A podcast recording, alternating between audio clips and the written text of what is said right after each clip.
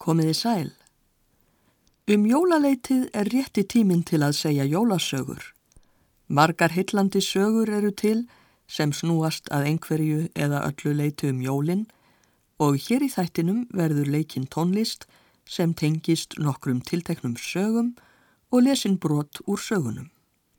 Sögurnar eru Jóladraumur eftir Charles Dickens, Áramót á pressetrinu á Hnotubæ eftir Henrik Skarling, Þýtur í laufi eftir Kenneth Graham og Grenitrið eftir Tove Jansson. Fyrir utan sjálft jólagvöðspjallið, söguna um fæðingu Jésu, er jólaævintýri Dickens að Kristmas Karol frægasta jólasaga sem til er. Sagan kom út í desember 1843 og varð afar vinsæl. Í henni segir frá nýrklinum Skrúts sem hugsaður ekki um annað en að raka saman peningum. Karl Ísfeld þýtti söguna undir heitinu Jóladraumur og við skulum nú heyra brot úr samtali Skrúts og frænda hans sem lítur inn á skrifstofu hans á aðfangadag. Gleðileg jól, frændi, og Guð blessi þig, kallaði glaðileg rödd. Það var rödd bróðurssonar Skrúts sem hafi komið svo sviplega inn að Skrúts tók ekki eftir honum fyrir en þetta. Já svei, sagði Skrúts, sá bannsettur hérkomi. Þessi ungi sýstursonur Skrúts hafði gengið svo hratt í frostinu og þokunni að honum var öllum orðið fun heitt. Hann var rjóður í andliti og fríður sínum, augu hans tindruðu og andguðvan raug úr vitum hans. Jólin, hér komi frendi, sagði sýstursonur Skrúts. Það er ég vissum að þú segir ekki alveru. Jú, það ger ég, sagði Skrúts. Gleðileg jól, hvaða rétt hefur þú til að vera gladur?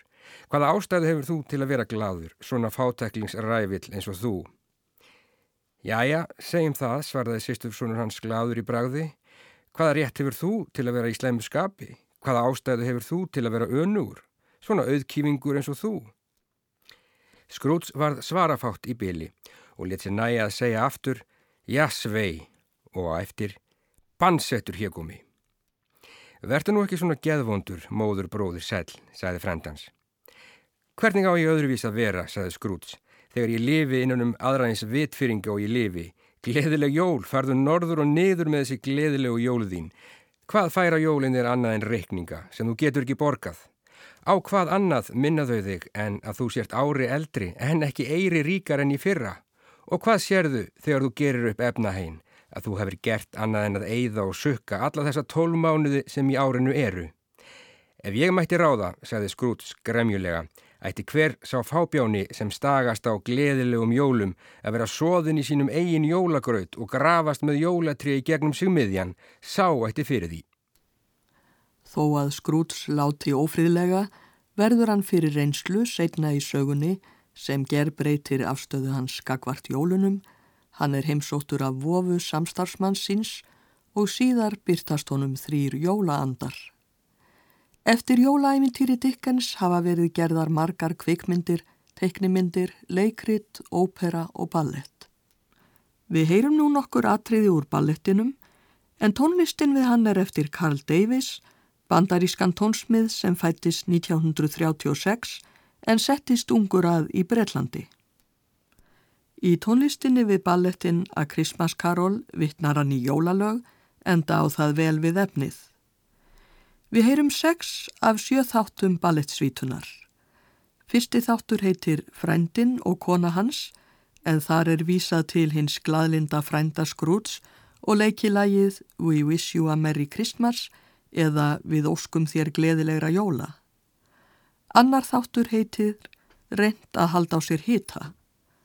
Tónlistin er hæg, skrifar í skrúts, Bob Crackett reynir að halda á sér hita inni á skrifstofinni en það er erfitt þar sem skrúts tímir ekki að kaupa eldi við í opnin. Þriði þáttur heitir Patapan og fótskriða. Þar er vittnað í fransk jólalag Patapan. Skrifarin er á leið heim, hann er í jólaskapi og skemmti sér við það á leiðinni að renna sér fótskriðu með göttustrákunum. Fymti þáttur heitir Vofur og tónlistin verður annarleg og svo litið draugaleg þegar skrúts sér Vofur ríkra manna sem hefðu geta notað peninga sína til að hjálpa öðrum. Sjötti þáttur heitir Farið í fötinn. Þetta er gladleg tónlist, leikin í lok balletsins þegar Skrúts hefur snúið frá villu sín svegar. Notað er jólalægið Ringi klukkurnar í kvöld og síðasti þáttur heitir the Hall eða Skreitum hús með greinum grænum og er notaður þegar allir fagna í lokin. Hljómsveit Northern Ballet leikúsins flytur þætti úr ballettsvítunni að Christmas Carol eftir Carl Davis.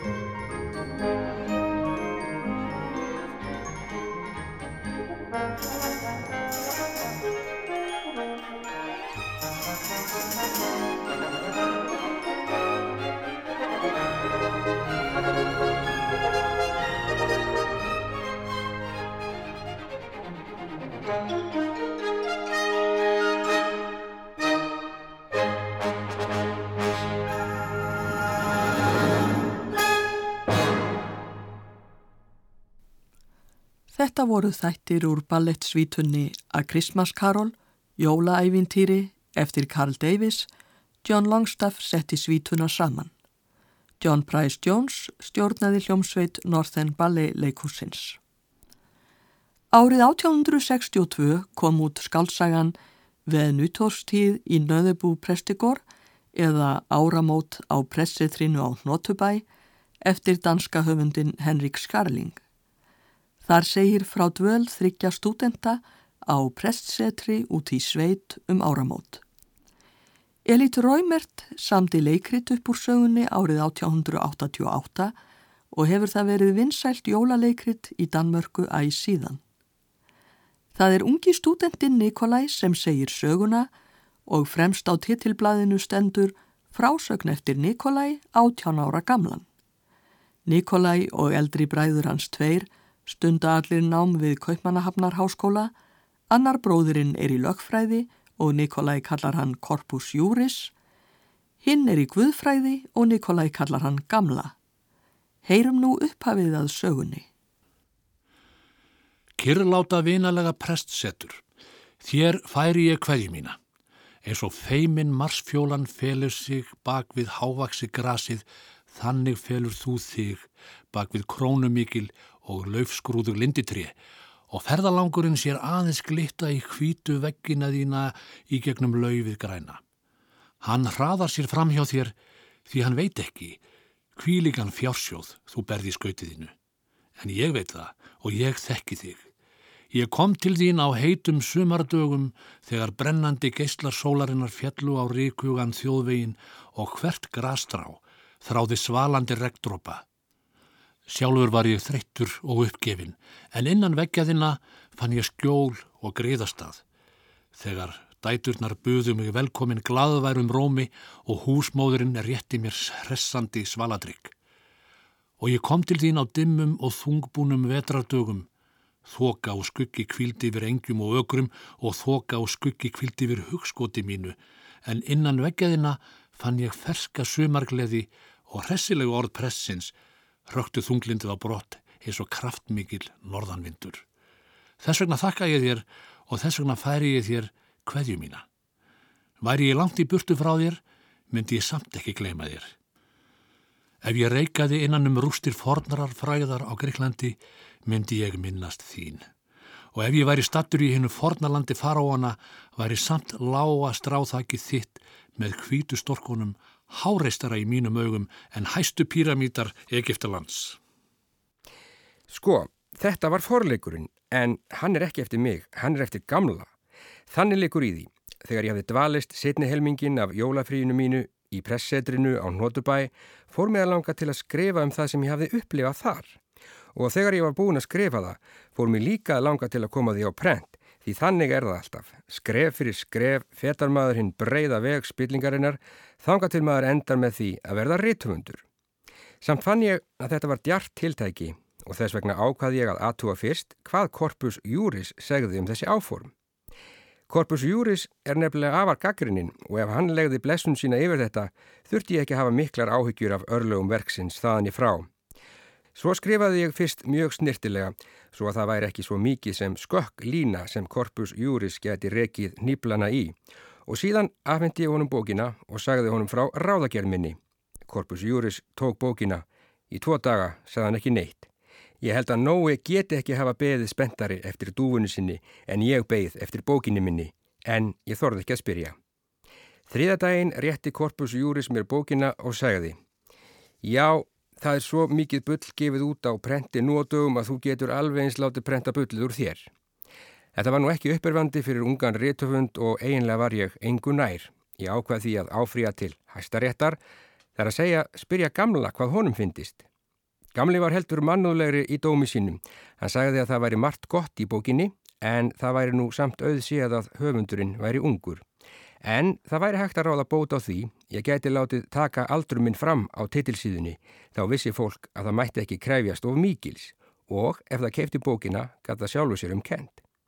En þar sem bókin fjallaði meðal annars um hann, heimtaði gamli að fá að skrifa svo litin ingang sem geti verið eins konar forleikur.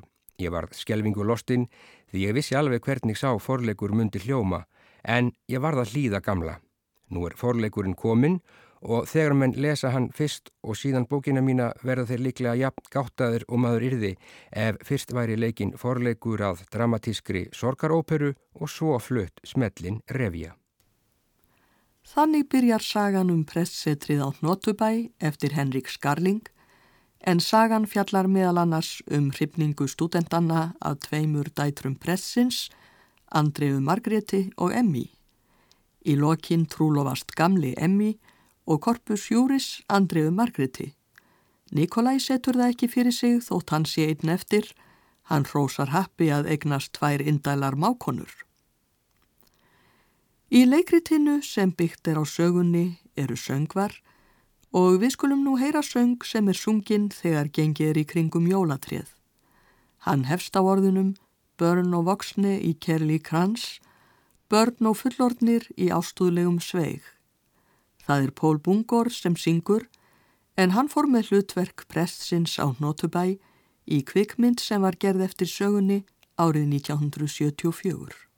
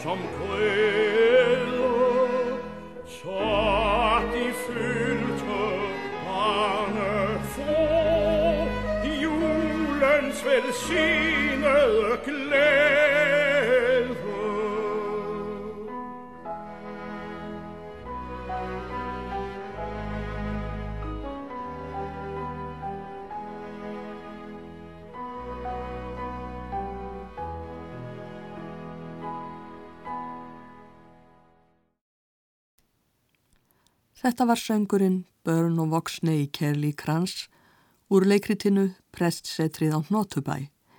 Tekstin er eftir Elít Róimert en lægið eftir Jóhann Petir Emilius Hartmann. Pól Bungor söng. Árið 1908 kom fyrst út barnasagan Wind in the Willows eða Þýtur í laufi eftir enska höfundin Kenneth Graham. Jónard Marínosson þýtti söguna yfir á íslensku. Þar segir frá ævintýrum frosks, vatnaróttu og moldvörpu. Um jólaleitið eru þeir rotti og moldi stattir heima hjá molda í notalegri hólu. Þeir heyra þá þrusk fyrir utan. Hagamísnar eru komnar til þess að syngja jólasöng. Það var falleg sjón sem blasti við þeim þegar þeir opnuðu dyrnar upp á gátt. Sjón sem átti vel við þessar vikurnar. Í skímu frá luktinni í horninu stóðu átt eða tíu litlar hagamís í hálfring í forgarðinum. Þar voru með rauða, ullartreflum hálsin, höfðu stungi loppunum djúft ofan í vasana og stöppuðu niður fótum til að halda á sér hitta.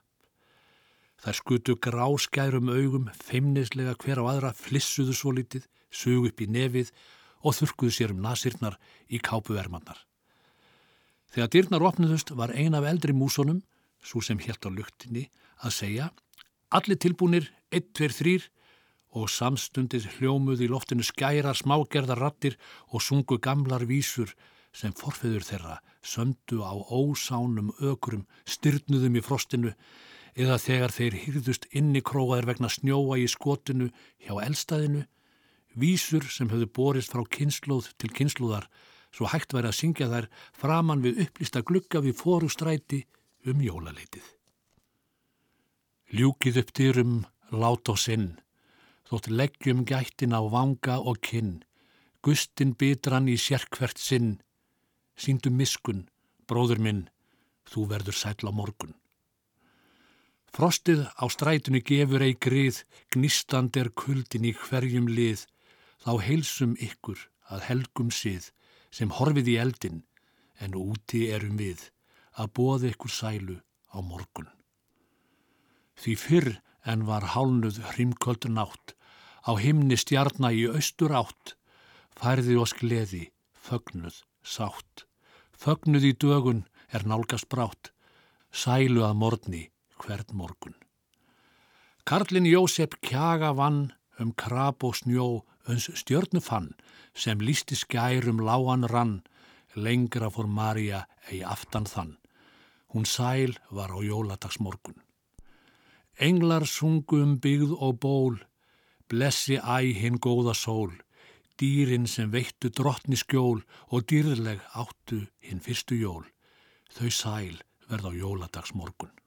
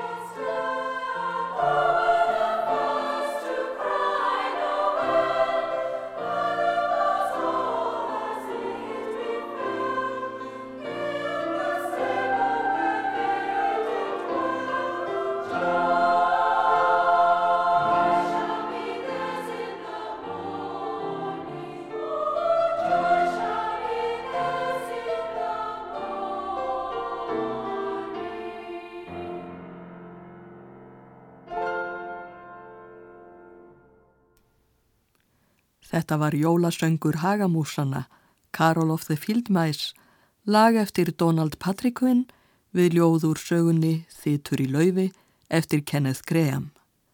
Kvennakórin Cantores Celestes söng, einsöngvari var Jennifer Latella. Kelly Galbraith stjórnaði og Ellen Meyer leik á piano.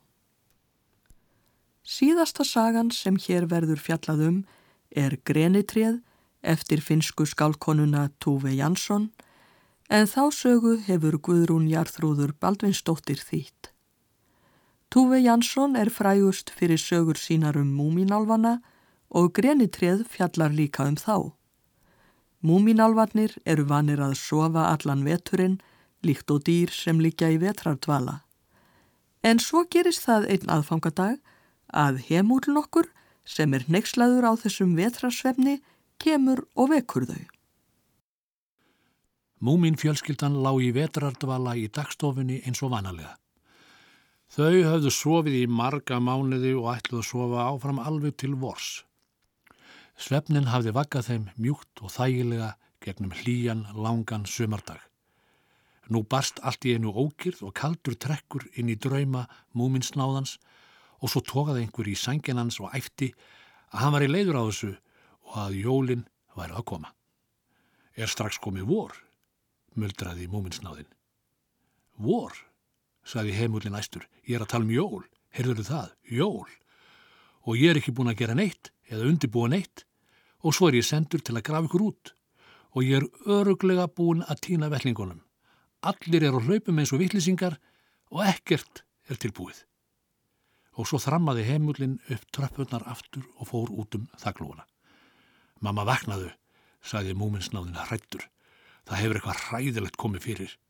Þau kallaða jól.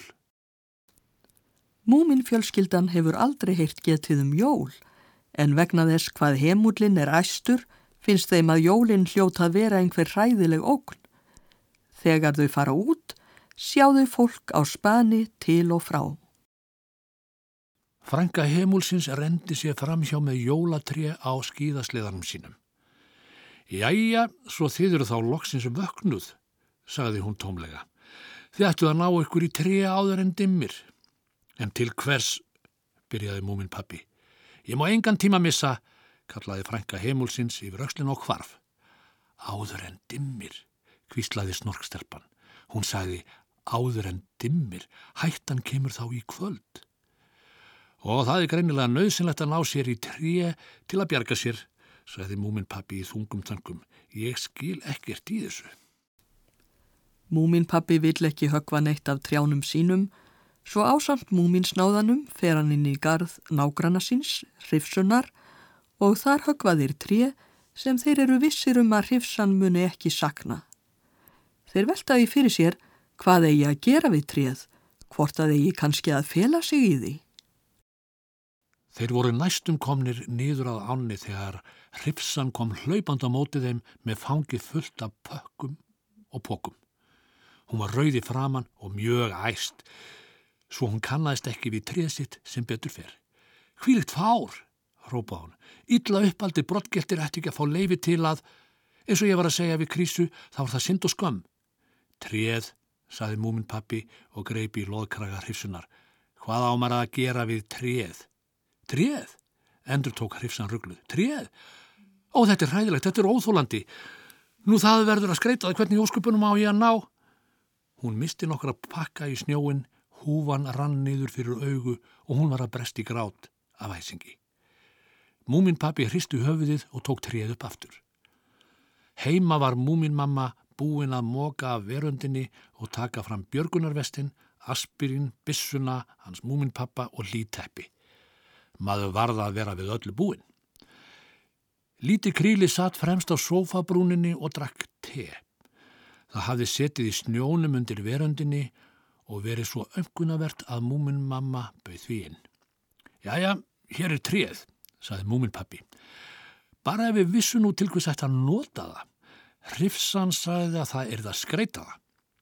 Skreita það, saði múmin mamma áhyggjufull. Hvaða ætlun hafi átt við?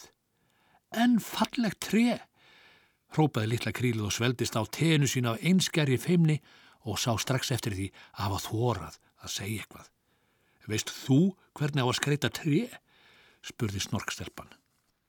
Krílið blóðrónað og kvíslaði með fallegum hlutum, því fallegasta sem maður á. Það hef ég heyrt. Svo yfirbugaði feimnin það, það faldi andlitið í loppunum, velti tebólanum sínum um koll og þaut út um dyrnar að verandinni. Nú verði þið að þeia því að ég ætla að hugsa, saði múmin pappi. Ef það á að skreita treð eins fallega og hægt er, getur ekki verið ætlunin að fela sig í því. Hugmyndin hlýtur að vera svo að blíðka hættuna á eitthvað nátt með því. Nú held ég að ég sé að byrja að skilja. Þau báru treð út í gardin og komuð því fyrir í snjónum. Síðan byrjuðu þau að skreita það upp úr og niður úr með öllu því fallegasta sem þeim dætt í hug. Þeir skreittu það með skelljunum, úr blómabeðunum og perlufesti snorkstelpunar. Þau tóku kristalla úr ljósakrónunni og hengdu þá á greinarnar og svo settu þau rauðu silkirósina sem múmin pappi hafði gefið múminmömmu á toppin. Meðan múminfjölskyldan er að skreita tríð, kemur frænka heimúlsins aftur en má ekki vera að því að stansa, segist þurfa að fara að búa til mat fyrir jólinn. Múminfjölskyldan verður hissa að jólinn skuli líka þurfa að borða. En þau náðu í góðan mat og setja hann hjá trénu. Þar sem nú fer að dimma, kveikjaðu líka á kertum. En hvenar skildi óknin mikla koma? Múminsnáðinn áræðir að spyrja heimúlinn. Ekki tröfla mig, saði heimúlinn fúll og var með nefið niður í laungum lista þar sem búið var að streika yfir næstum því allt. Hann settist niður við eitt kertið og byrjaði að tellja á fingrum sér. Mamma, pappi, hrifsan, tuldraðan, alla frængunar, elsti brottgöldurinn, ég sleppi þeim yngri og snabbi gaf mér ekkert í fyrra. Krísa og kaskurinn og frænguði við þetta, þetta er að gera mig vittlusan. Hvað er þetta? spurði snorkstelpankviðin. Hefur eitthvað komið fyrir þau? Gafirnar, útskýrði heimúlinn, þeim fjölgar með hverjum jólum. Skjálfhendur merti hann á listan og þauðt svo af stað. Allir í múmin fjölskyldunni taka til fallega hluti og setja þá inn í gjafapappir. Gjöfunum raða þau í kringum treð. Síðan settust þau öll niður í snjóin og byðu eftir óskupunum. Tímin leið en ekkert gerðist. Það var bara litla krílið sem hafði drukkið hjá þeim teið sem skaust fram undan eldi viða skurnum. Það hafði tekið með sér alla ættingja sína og vini þeirra og þau voru öll jafn lítil og grá og umkunnaverð og öllum var jafn kallt. Gleðileg jól, hvíslaði litla krílið þeimið. Þú ert nú það fyrsta sem finnst jólið vera gleðileg, saði múmin pappi. Ert ekkert hrætt við það sem gerist þegar jólinn koma? Þau eru komin, tuldraði krílið og settist í snjóin með ættingum sínum. Megum við sjá? Þið eigið svo óskaplega fallit jólatrið. Og allur þessi matur, sagði einn ættingjana dreymandi. Og alvöru gjafir, sagði annar. Þetta hefur mig dreymtum að sjá í návíi alla mína hæfi, sagði kríliða endingu og andvarpaði. Allt varð hljót. Kertin brunnu rólega í næturkyrðinni, krílið og ættingjar þess sátu hljóð. Allir fundu hvernig aðdáðan þeirra og þrá var sterkar og sterkari og að lokum færði múmin mamma sig nær, múmin pappa og hvíslaði, finnst þér það ekki? Jú, en ef, andmælti múmin pappi, ef jólinn verða reið, saði múmin snáðinn, getur við kannski flúið upp á verundina. Þá snýri hans þér að krílinu og sagði, gjöri þið svo vel, þið meði eiga þetta allt. Krílið trúði ekki sínum eigin augum. Það færði sig híkandi næri trénu og allir ættingjarnir og vinirnir eldu það og veiði háren titruð af lotningu. Þau höfðu aldrei áður haldið sín eigin jól. Og litlu krílin borða matinn, takk upp jólagjafinnar og horfa á jólatrið innilega glöð. Hímininn er stjörnubjartur og ein stjarnan ljómar beint yfir trénu. Ég er orðin dáliti sifjuð, sagði múmin mamma. Ég er eiginlega of þreytt til að hugsa meira um hvað þetta táknar allt saman. En það lítur út fyrir að allt hafi farið vel. Að minnstakost er ég hættur að vera hrættur við jólinn, saði múminsnáðinn. Ég held að heimúlinn og frænka hans og hrifsan hljóti að hafa miskilið þetta. Og svo fer múmin fjölskyldan aftur inn að sofa. Þannig endar sagan Grenitrið eftir Túve Jansson. Í sögunni er ekkert kvæði, en til er kvæði eftir Túve Jansson sem heitir Júlsong for Knutt eða Jólasöngur fyrir kríli og er mjög í anda sögunar. Í lausleiri þýðingu er tekstinn á þessa leið. Það snjóar alla nóttina og nóttin er svo köld, nú sofa öll vötn í kristalskistu, allt of lengi höfum við beðið og vakað. Þá sáum við stjörnu sem tendraðist, hlýjan og vinalegan ljóma, þið skiljið vist hvernig það var þegar jólinn komu til okkar, þegar við vissum að ljósið kom aftur. Nú er auðvelt að gleima því hvað kuldin var erfiður. Nú höfum við rétt til þess að láta okkur dreyma og trúa á næsta vor, trúa því að myrkrið þurfi líka að vera til. Veturinn okkar var fullur af hungri og beisku vegna einsemdarinnar, en treð ber eppli og glitrandi ljós og stjarnan er úr gulli, það er í myrkri sem stjarnan getur ljómað. Við þetta ljóð Túfi Jansson hefur Erna Táró sami lag og við heyrum nú að lokum lag hennar í útsetningu eftir Mika Pójóla. Jóhanna Grusner syngur en Mika Pójóla og félagar leika með á hljóðfæri. Ég þakka hlustendum áheirnina, veriði sæl.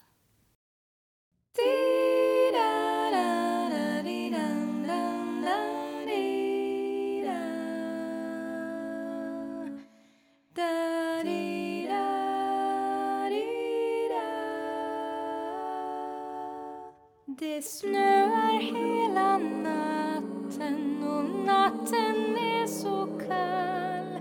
Nu sover alla vatten i kista av kristall. Allt för länge har vi väntat och bakat. Då såg vi